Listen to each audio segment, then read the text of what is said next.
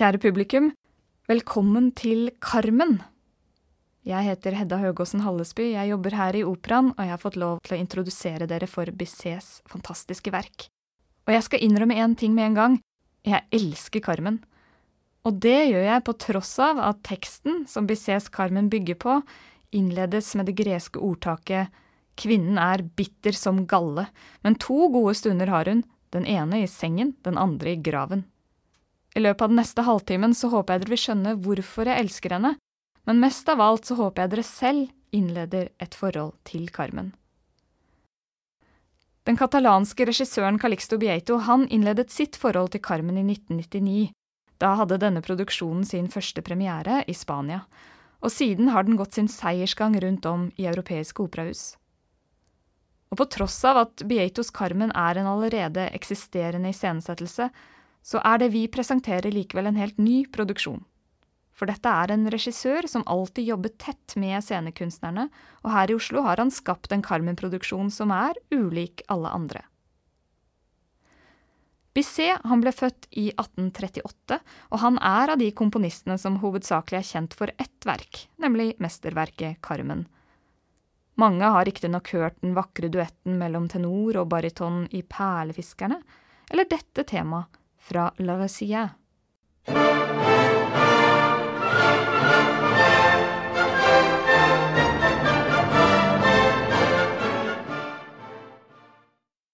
Dette eksempelet viser for det første Bissets evner som orkestrator, og for det andre hans energiske begynnelser. Bisset var skikkelig god på det å introdusere. Og det gjør han også i Carmen, både av karakterene og av hele operaen. Carmen setter i gang på denne måten.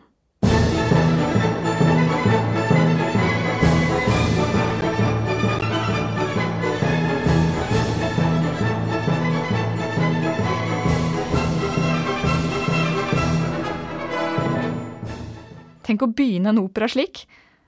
Forspillet til Carmen det vekker oss og treffer oss med en gang. Det er en hitliste av en opera som setter i gang her. Og musikken den oser av selvsikkerhet, festivitas og spill, som Carmen-skikkelsen selv. Og etter dette lystige forspillet i A-dur og F-dur, som også inneholder den kjente Toreador-sangen, ender orkesteret i en faretruende d-moll, strykerne ligger der i fortissimo tremolo, og vi hører dette temaet.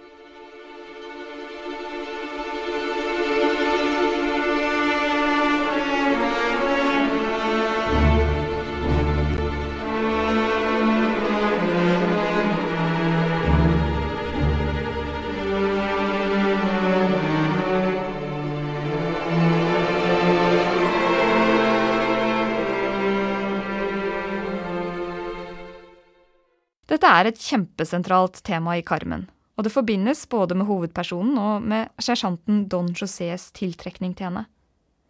Men det blir aldri sunget, vi hører det bare i orkesteret, som om det er skjebnen omkring oss vi ikke kan styre. Temaet karakteriseres av noe i musikkteorien kaller en forstørret sekundintervall. Og det forbinder vi gjerne med det eksotiske, med det orientalske, med slangetemmermusikk eller mer spesifikt med sigøynere, og Carmen hun er sigøyner, og denne musikken den får oss til å tenke på trussel, fare og tortur. I det hele tatt så er det Bisset framstiller musikalsk her veldig likt det som var hans yndlingsopera, Carl Maria von Webers Der Freischütz fra 1821, og når djevelen introduseres i den operaen, så hører vi tremolo, vi hører pauker, og vi hører denne forstørrede sekundintervallen. I Bissets opera, på slutten av 1800-tallet, så var djevelen noe de kunne møte på gata når de kom ut fra teateret. Og Carmen hun representerer denne store trusselen, i kombinasjonen av å være en opprørsk arbeider, en småkriminell sigøyner og en frihetsdyrkende kvinne. I tillegg så er Carmen representanten for den festlige og fengende lavkulturen som man kunne møte på Opera Comiques scene. Dette var scenen for eh, respektable familier som skulle ut og ha en hyggelig kveld, og ikke møte alt det der faretruende som Carmen representerte. Og slik får sirkuset i Carmen hele tiden en bismak. For Carmen hun er ikke bare forførende, hun er også farlig. Og Bissets opera den er ikke bare festlig, den er også alvorlig. Bizets Carmen bygger på Merimés kortroman med samme navn fra 1845. Her møter vi figuren Carmen gjennom Josés minne, og fortellingen blir gjenfortalt gjennom en fortellerstemme, som igjen blir gjenfortalt gjennom Merimés litterære språk. Men da Carmen ble opera, så sto hun plutselig levende på en scene. Å la denne figuren synge betydde ikke bare en utvidelse av de faste rollefigurene som pleide å frekventere denne scenen, men også en iscenesettelse av brudd på sosiale konvensjoner og av normene for kvinnelig oppførsel i 1875. Carmen fikk synge, selv om det resulterte i at operasjefen ved Opera Comique, Camille de Loc, gikk av. Premieren var en katastrofe, og Bisset han døde bare tre måneder etter, uvitende om at han hadde skapt det som kom til å bli en av operahistoriens aller største suksesser. For Carmen ble ikke tatt av plakaten, og populariteten bare steg og steg. I 1891 så hadde Opera Comique spilt Carmen 500 ganger.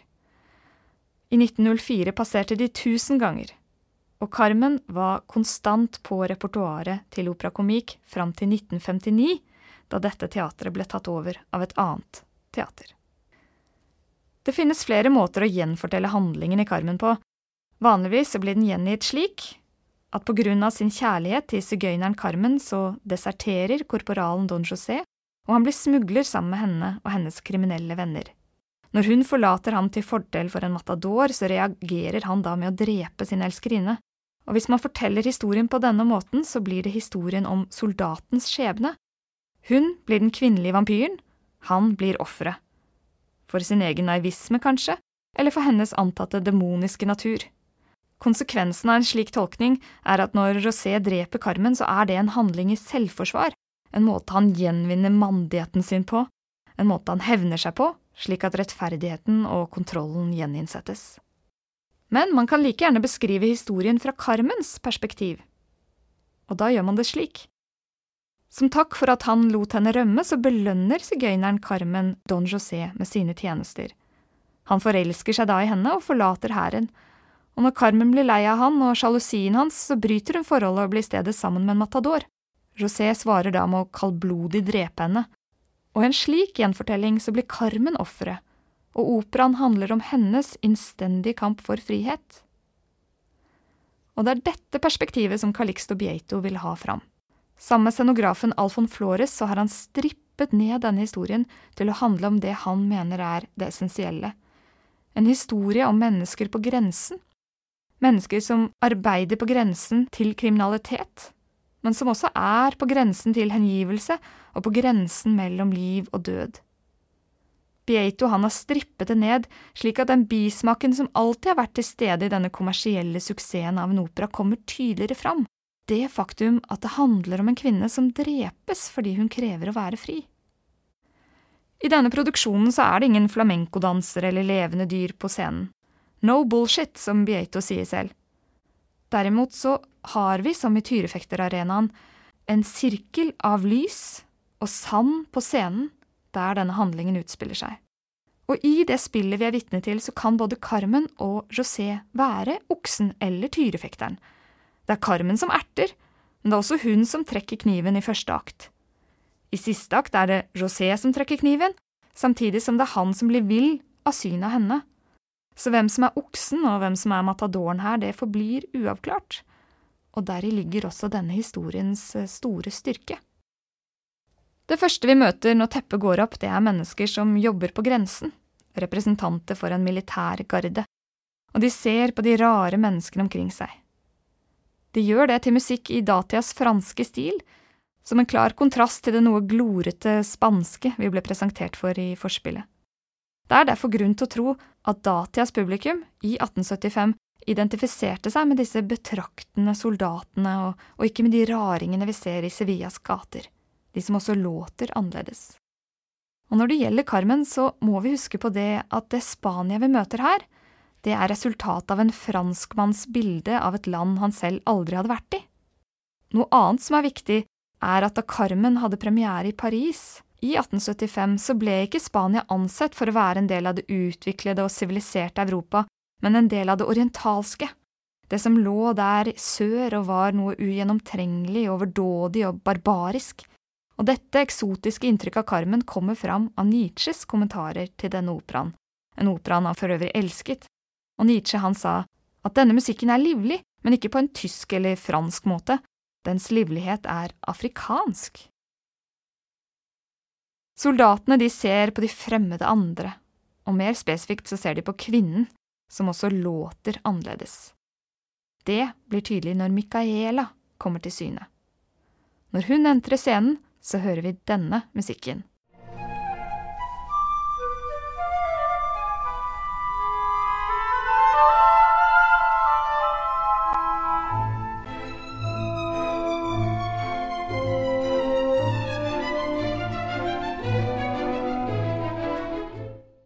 Her hørte dere hvordan musikken faller nedover i halvtonetrinn i strykere. Halvtonetrinnene følger også karmen, i klar kontrast til soldatenes bestemte heltoner. Micaela hun markeres dermed som annerledes helt fra starten av, som annerledes i form av å være kvinne.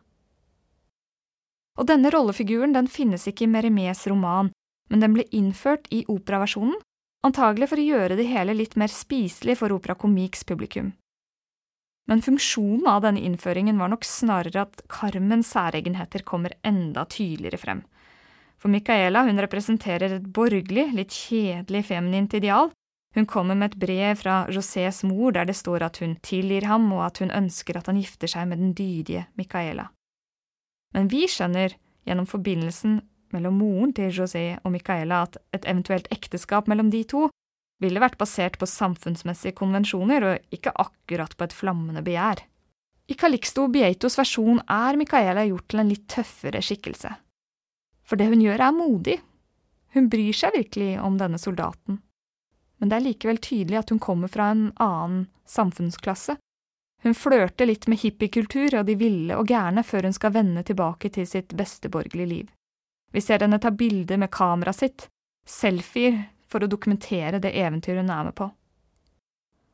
Og selv om hun ikke er så eksotisk vill eller annerledes de andre på scenen, så akkompagneres hennes første entré av et tema som karakteriseres av halvtonetrinn, slik som Carmen. Og av det skjønner vi at i denne operaen så er kvinner et fremmedelement som både skaper spenning i handlingen og spenning musikalsk, og det bekreftes i scenen ved sigarfabrikken i Carmens første akt, for det er nemlig der denne hovedpersonen jobber. I det 19. århundre så ble tobakksrøyk ansett for å være upassende for en kvinne.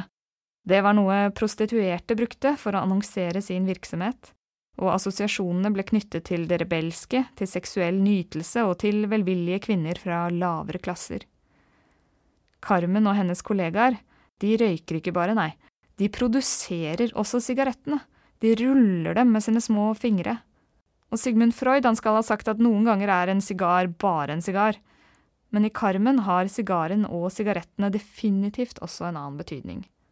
For fra urpremieren i 1875 så har Carmens sigarfabrikk ligget der innhyllet i en tåke av sydlandsk varme og seksuell spenning.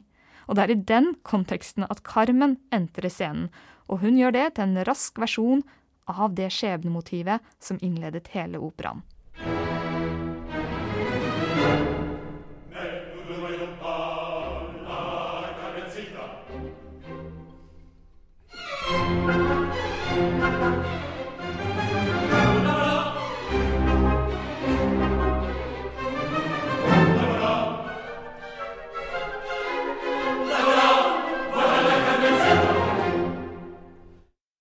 Med sigarfabrikkens kvinnelige arbeidere og deres mannlige tilskuere som et hengivent publikum, så synger Carmen den velkjente habanera, om kjærlighetens tøylesløse og flyktige natur.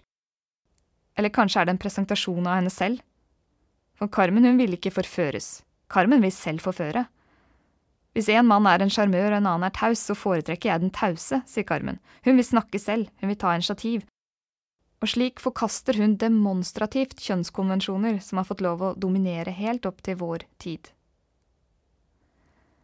Paradoksalt nok så er musikken i habanera verken sigøynersk eller spansk, men av cubansk opphav.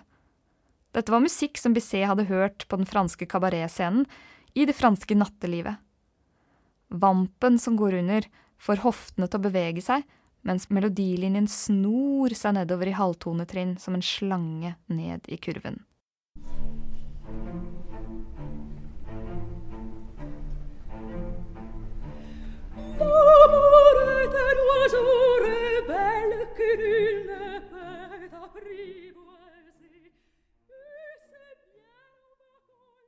Denne slangen som vi møter her, skal riktignok vise seg å være noe vanskelig å temme. Carmen hun ender sitt forrykende show i Habanera med å kaste en blomst til mammagutten José, og fra da av er han fortapt. Neste gang José møter Carmen, er når hun har havnet i slåsskamp som endte med knivtrekning, og den lokale vaktstyrken har måttet gripe inn i en opphisset masse av kvinner. Sigarfabrikkens arbeidere, José og andre soldater venter spent på Carmens forklaring. Alles øyne er rettet mot henne. Men Carmen, hun lar oss vente. Og mens en forsiktig tone smyger seg fram i celli, så hører vi henne synge.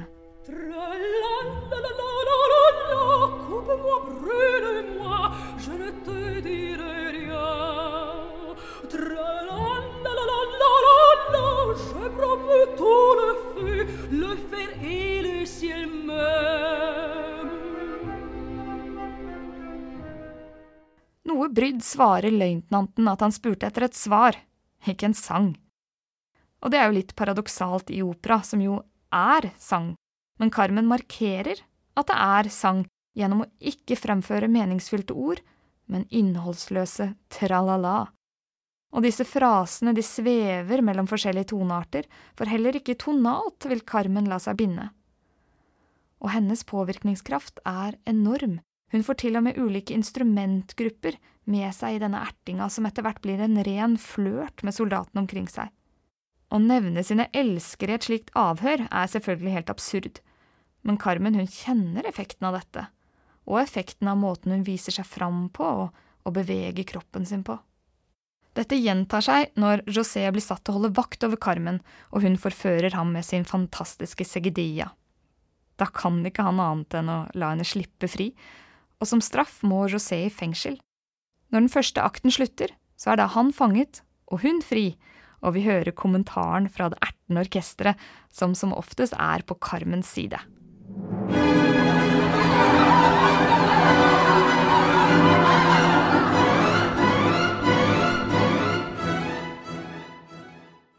Andre akt foregår noen måneder seinere.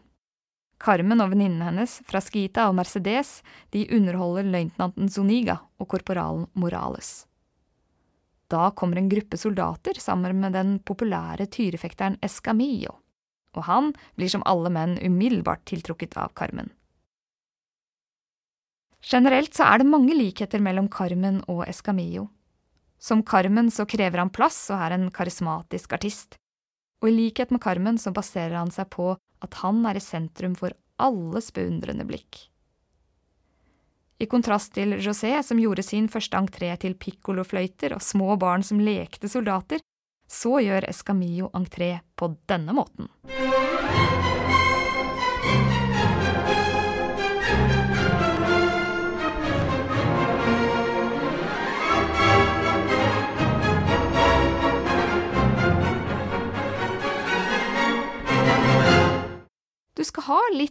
Selvtillit og litt rak rygg for å entre en scene til denne musikken.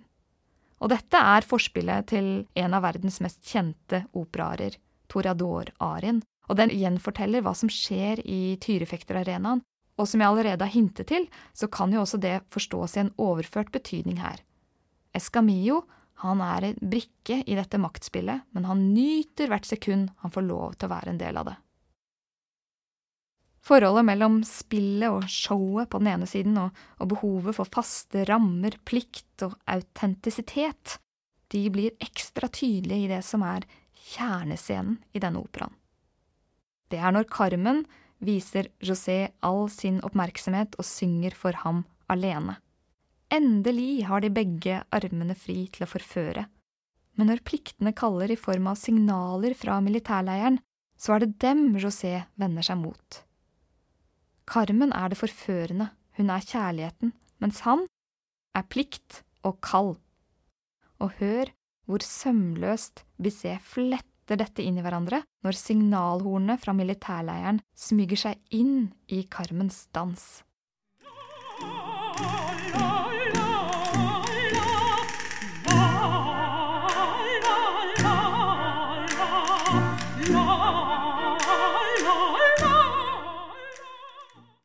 Signalhornene de blir høyere og høyere, og Carmen blir mer og mer irritert over at José bryr seg om dem og ikke om henne.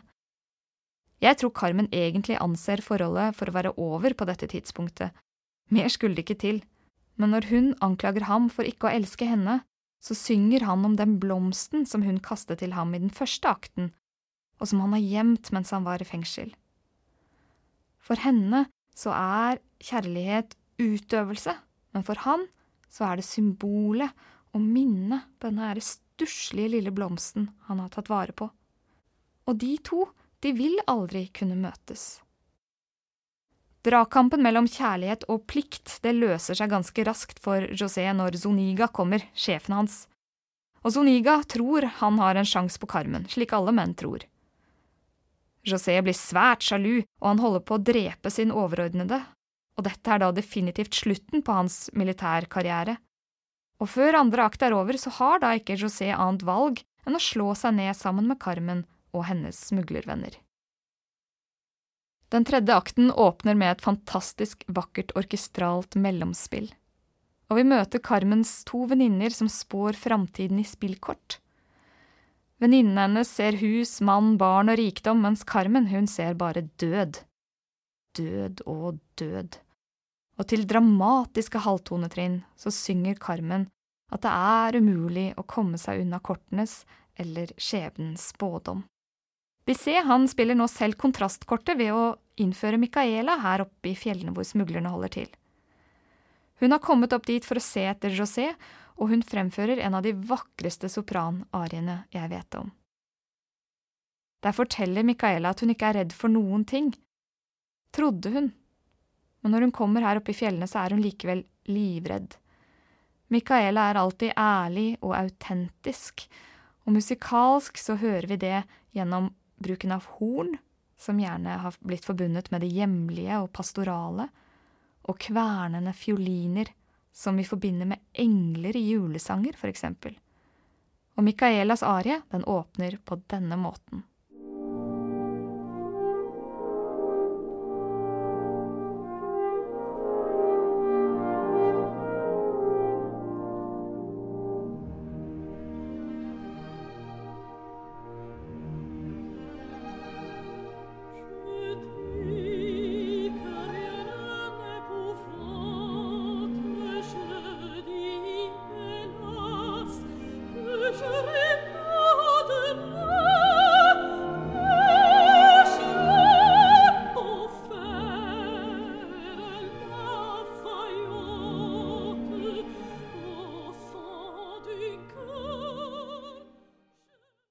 Annen som dukker opp, men for å se etter Carmen, er Escamillo.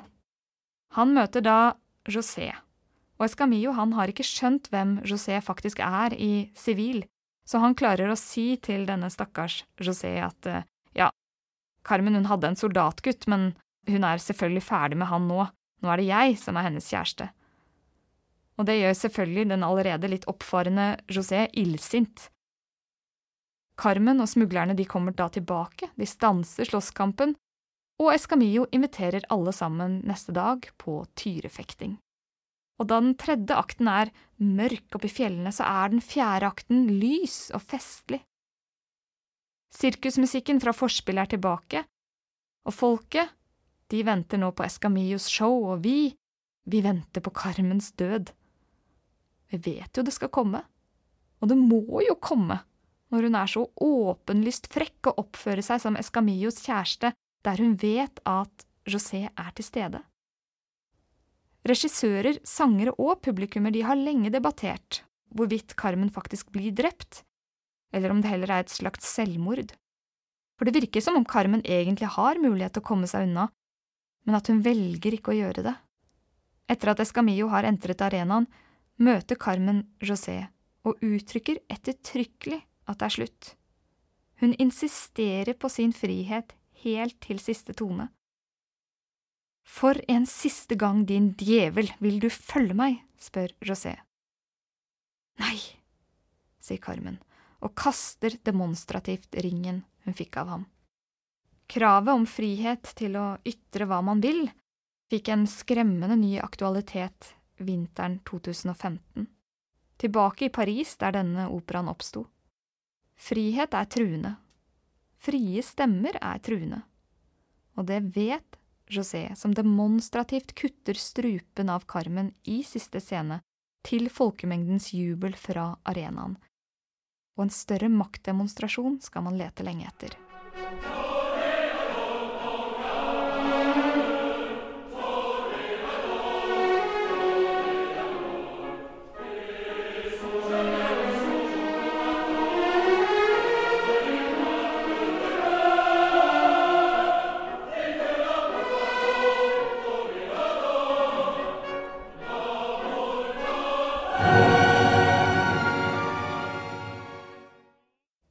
Mange grunner til å elske Carmen.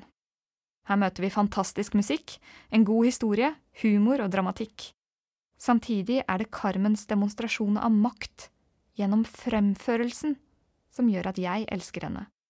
Som José lokkes vi fortsatt mot kraften i hennes nonverbale og fortryllende tralala, og vi beundrer Carmens radikale frihetskrav. For det er ikke soldatenes sanger om de rare menneskene omkring seg, men Carmens sanger om frihet som lever i oss på vei hjem fra operaen. Slik er døden derfor ingen hindring for denne kvinnens levedyktighet. Carmen hun tørker av seg blodsølet fra siste scene, hun, og er klar til å møte oss igjen og igjen. Og gjennom vår stadige fascinasjon for henne, så blir hun aldri noe fremmed, men noe nært og levende for oss. Riktig god fornøyelse, nyt Carmen.